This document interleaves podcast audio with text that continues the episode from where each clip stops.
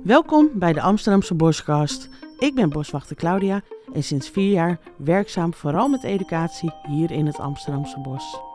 In de Amsterdamse Boskast nemen we je mee naar ons bos.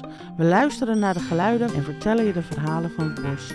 Wat maakt ze mee en wat gebeurt er verder in de natuur, zo dicht bij huis en een grote stad?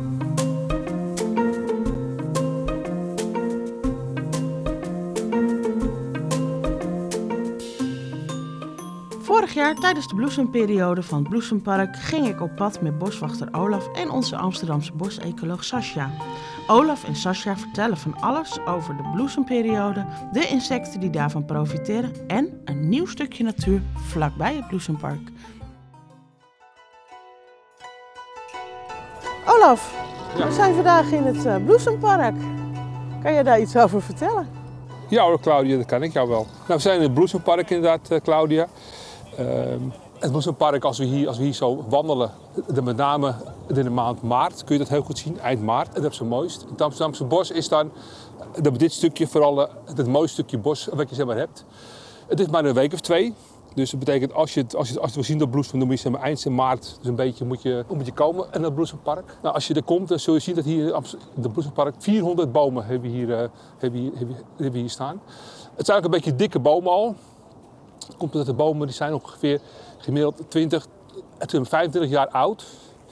Uh, nou, als we, als we een beetje kunnen, kunnen rekenen, dan zul je zien dat Amsterdamse bos en het bloesempark in 2000 die bomen hier dus geplant. Ja. Dus, dus dikke bomen die we allemaal zien, nou, dat zijn de bomen die, die zijn inderdaad die zijn goed, die zijn mooi. Um, als je hier wandelt, als je hier een keer komt, het maakt niet uit of je komt van het voorjaar of, of, of van de winter. En je kijkt naar deze bomen, zul je zien dat het onderstam, die daar zijn mooi recht en mooi dicht. En die bovenkant die erop zit, dat is een, uh, dat is dus een end, zeg maar, die er zeg maar, op zit.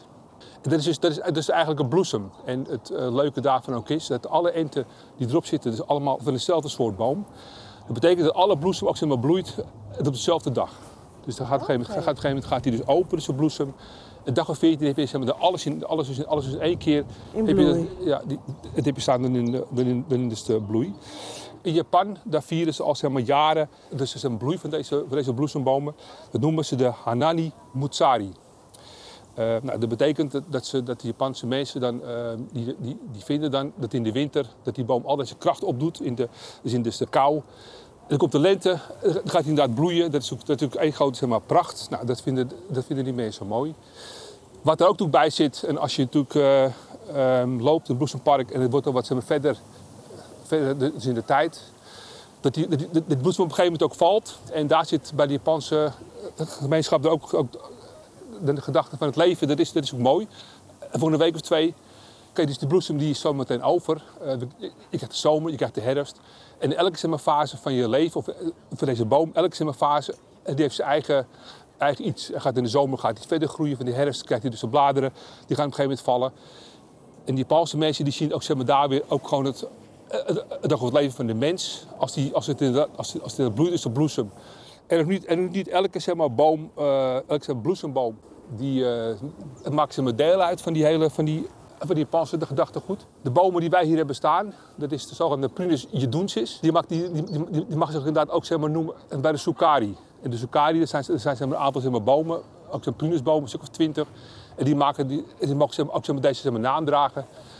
En deze Prunus ook hier, die wij hier hebben staan, die maakt ook, die maakt ook zo'n deel uit daarvan. Dus de Prunus jedunsis. Dat is de Latijnse naam. Uh, Hele mooie Latijnse, Latijnse naam, naam van, de, van de boom. Nou heb ik gehoord dat die bomen uh, die zijn geschonken. Ja, dat klopt. Door die Japanse vrouwenclub. Oh. Dat klopt. Uh, het leuke verhaal daarachter is ook nog, dat ik heb in het begin al verteld, dat er staan voor deze prunusbomen 400 staan er hier in dit uh, park, in het Bloesempark. Uh, bij de schenking hebben er van deze 400 bomen 200 bomen een Japanse naam gehad, vrouwennaam, en 200 van deze bomen, en die hebben een Nederlandse vrouwennaam. En dan moet je, dan moet je wel denken aan, aan hele zeg maar, uh, uh, de normale namen, zoals Aaltje, Yvonne, dat soort, uh, dat soort, dat soort namen, oud-Hollandse namen. En bij die Japanse namen heb je een aantal voorbeelden. Aiko, Hiro, Yuki. Dus dat is, dat is hartstikke leuk. Wil je dat, dat inderdaad weten, want al deze namen, het werkt niet uit mijn hoofd. Dan nee? kun je kijken... Oh.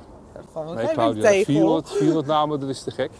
Dan kun je daar even kijken Het op de website van ons, www.amsterdamsebos.nl. En daar kun je alle zeg maar, namen zeg maar, terugvinden. Dus daar kun je dus de 200 Nederlandse namen terugvinden en de 200 Japanse namen.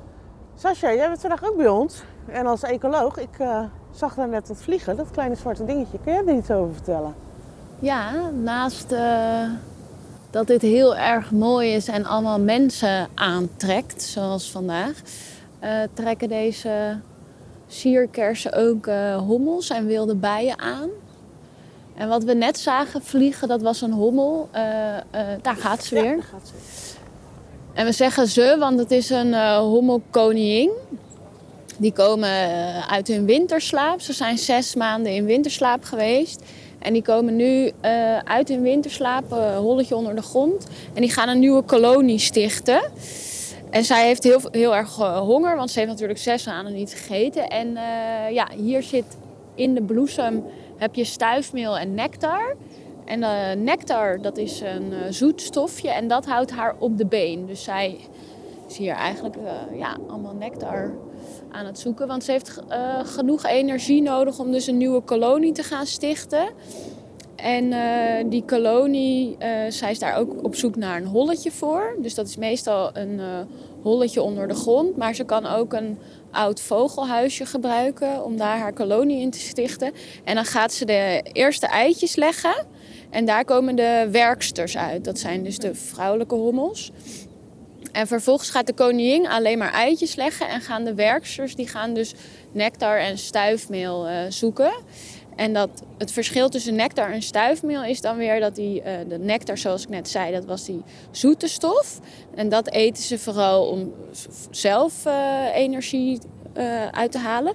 En de stuifmeel, eh, dat is een eiwitrijke stof. En die gebruiken ze weer om hun larfjes mee te voeren. Oké, en dat halen ze alle twee hier uit deze kersenbloesem.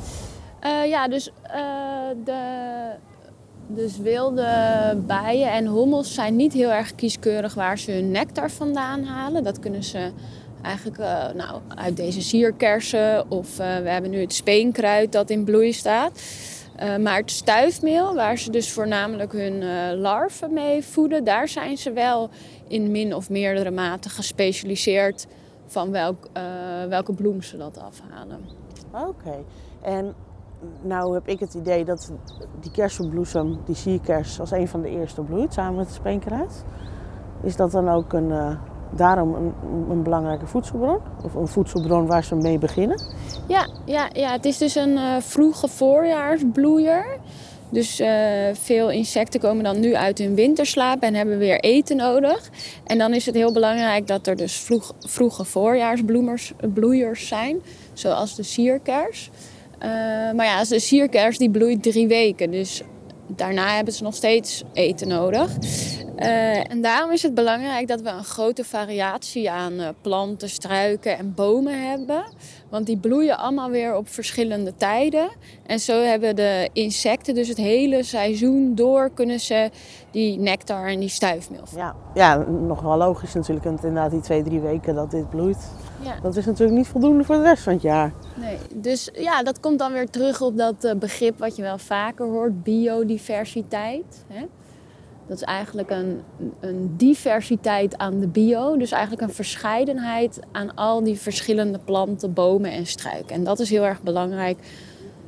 Nou, voor onder andere de hommelkoning die we vandaag zien vliegen. Ja, het is wel groot. Ja, ja is een stuk groter dan, eh, dan de andere hommels. En daar kan je er dus ook goed aan herkennen. En eigenlijk alle hommels die je nu ziet vliegen zijn hommelkoningen. Want ze moeten eerst nog die eitjes leggen waar dan de werksters uitkomen. En die zijn een stuk kleiner. Ja, die zijn veel kleiner. Oh, Oké, kijk. Eh, nou ja, goed. Dus die eerste eitjes die uitkomen, dat zijn dan de werksters. Dat zijn de vrouw, eh, vrouwelijke hommels. Mhm. Eh, en die gaan vervolgens dus inderdaad dat voedsel zoeken. En zullen, eh, een deel zoekt voedsel en een deel zal in de kolonie zelf blijven om de larven te verzorgen, waar dan weer nieuwe werksters uitkomen. En op een gegeven moment, midden in de zomer, dan is die eh, kolonie helemaal up running. Dan zijn er iets van 300 tot 600 hommels. Zo, dat zijn er echt heel veel. Ja, Ja, dus dat is. eh, ja, niet alle wilde bijen eh, leven in kolonies. Dus je hebt ook solitaire wij, eh, bijen. Maar de hommels die maken wel kolonies. En op een gegeven moment, dan gaat die koningin, die gaat eitjes leggen. En daar komen mannetjes uit. Mhm. En de nieuwe koninginnen. Oké, dus er worden meerdere nieuwe koningen gemaakt, om het zo maar te zeggen. Ja, en dan gaan die eh, mannetjes en die nieuwe koninginnen die eh, vliegen uit. Er zal bevruchting plaatsvinden. Dit is dan weer aan het eind van het seizoen. Dan gaan die nieuwe koninginnen gaan in winterslaap. En dan heeft eigenlijk de oude koningin en de werksters die hebben hun taak volbracht. En Ja. de kolonie zal afsterven. En dan het volgende seizoen, die, die nieuwe koninginnen die dus in winterslaap zijn en de winter overleefd hebben, die gaan dan weer een nieuwe kolonie eh, stichten. En, En zo, ge- zo is het cirkeltje dan weer rond. Ja, echt eigenlijk best wel heel bijzonder wat er allemaal in werking gesteld wordt voor een nieuw seizoen. Ja. Ja, en ook, eh, nou ja, dit is dan, eh, dan die hele kolonie, maar ook weer vogels, die eten ook weer die hommels. Dus zo zie je ook weer dat dat weer met elkaar verbonden, Verbonden is. Dus misschien die hommelkoningen, die nieuwe hommelkoningen, die zullen niet allemaal de winter overleven. Misschien eh, eh, worden ze opgegeten of eh, ja, gaan ze gewoon dood. Dus daarom zijn er meerdere koninginnen. Zodat er Volgend jaar meerdere nieuwe kolonies gesticht worden. ja, hopelijk in ieder geval één Ja, en het liefst meer. ja. ja helemaal duidelijk. We denken dat we dat het beste jaar, de coronatijd, eh ongeveer maar, 50, 50 tot maar, 60 zeg maar, duizend mensen gehad hebben in het Bloesempark. Nog een keer 60.000 mensen op. Ja. Wat? Ja, en dat dus, dat de meeste mensen daarvan, ook, dus, ook, dus, ook dus, tijdens de bloei, dus het op een hele korte, korte tijd, heel veel, heel veel, eh, heel veel mensen. Nou, de kersenbomen die we hebben staan, die staan net op het eh, zeg maar, gras. En het is hartstikke zeg maar, fijn voor de mensen dat ze daar kunnen zitten en daar kunnen lopen tussen die, tussen dus die bomen door. Maar je kunt je ook wel voorstellen dat al die, al die mensen natuurlijk ook op het gras lopen. Waardoor dus die, eh, waardoor dus die grond die, raakt daardoor, daardoor, dicht. Dus er kan minder zeg maar, zuurstof eh, kan dus, kan er komen eh, bij de wortels en met de, de voedsel kunnen ze zeg maar, opnemen. Al die voeten die, eh, ja, die, die natuurlijk lopen op dat, eh, het gras en die daar zitten, die, die staan op een gegeven moment natuurlijk die, die grond helemaal aan. Het Amsterdamse bos is natuurlijk aangelegd dus in een zeg maar, polder. Allemaal zeg maar, klei waar we, hier, eh, waar we hier op lopen. Dus al die, eh, al die, al die voetjes die hier, dan hier lopen in het Bloesempark, die staan op een gegeven moment al die, eh, al die zeg maar, klei aan tot een, tot een grote homp. Nou, die kun je voorstellen dat, dat, daar de, dat die minder zeg maar, zuurstof bij de wortels dus kan komen. Die wortels, die wortels ook minder voedsel op kunnen, op kunnen nemen. En dat het water minder zeg maar, doordringt dus in, de, in de grond. Dus we zien eigenlijk nu, ook, nu wel, na al die drukte, dat is die bomen, die hebben toch wat moeite door te groeien. Ja. En we gaan inderdaad de komende tijd eh, gaan we kijken, oké, eh, wat is er aan de hand? Hoe kunnen we dat, hoe kunnen we dat ze beter zeg maar, maken? Ik had van Sascha, die had oppert op zijn helft zeg maar, wormen en los te laten daar in de grond. Dat is misschien een leuk idee. Dus kijken hoe dat gaat werken. Dus ja, dus, eh, het succes van het Bloesempark, dat is hartstikke mooi. En met deze keerzijde ook wel. Ja. Nee, ja, dat snap ik. We zagen het net zelf ook. Het af en toe is het gewoon een beetje modderig zelf. Zo dicht is die grond. Die water niet meer weg kan. Ehm, we lopen nu naar een ander stukje. Kan je daar iets Ja. over vertellen? Want dat is nieuw, begreep ik. Ja, nou, we lopen hier inderdaad wel nog in het Bloesempark en een beetje in de rand. We zijn op weg naar een, eh, naar een plek dat is inderdaad nieuw. Er heeft een huis gestaan hier vroeger. Zoals een dienstwoning. Dus er woonde iemand, iemand hier eh, die toen zijn toezicht hield in het Amsterdamse bos. Nou, die woning die is weg, die was op een gegeven moment erg zeg maar, slecht. En we zijn in het bos ook bezig, bezig de laatste jaren eh, om zeg maar, paden weg te halen en dit soort zeg woningen weg te, weg te halen. En dan zeg terug te geven aan de natuur. Nou, als je hier ook loopt kun je horen, ook in het voorjaar, door, vogels hier al zeg maar, fluiten. Dus eh, dit, is, dit, is, dit maakt, dit deel uit van wat we als Amsterdamse bos willen. Minder zeg maar, asfalt en minder zeg maar, huizen. En zeg maar, teruggeven weer aan de natuur. Het is een mooi gebied en we lopen een vlonder over zo. En om het water over te gaan. Een mooi vlonderpad. En we zien een meerkoet, we hebben hier kans eh, dat je de ijsvogel misschien ziet. En Of de ringslang. Het is een mooi gebied. Het is eh, zeker een mooi gebied. En die natuurvriendelijke oevers, dat kan je hier wel heel erg mooi zien. Ja, dus dit is het eerste seizoen, dus er is nu nog geen begroeiing. Want het voorjaar moet nog komen. Maar het is de bedoeling inderdaad dat hier dan allemaal oeverplanten zijn. In Ja. het, eh, eh, net op dit gradient. En in het water krijg je dan allemaal waterplanten. En je Oké. ziet dat die heel langzaam Heel Zo het water ingaat. Ja. En op elk eh, plekje zal een ander plantje zich weer fijn voelen. Kijk. Nou, en er zit nog een mooi eilandje in. Ja. Er kunnen nog wat diertjes zich verschuilen als het nodig is. En je kan dus zo een leuk rondje maken van door het bloesempark zo dit stukje en weer terug. Ja. Olaf, we zien nu heel erg mooi die bloesems zo. Maar straks zitten daar natuurlijk allemaal blaadjes aan. Is hier dan nog wel wat te doen? Ja, Claudia, het is natuurlijk, eh, het is natuurlijk zo dat die, die, die bloesem allemaal zo, allemaal zo, allemaal zo dicht maar, tegen elkaar aan staat. Al die, eh, al die bomen. Eigenlijk heb je een soort zeg scherm, een zonnescherm eigenlijk.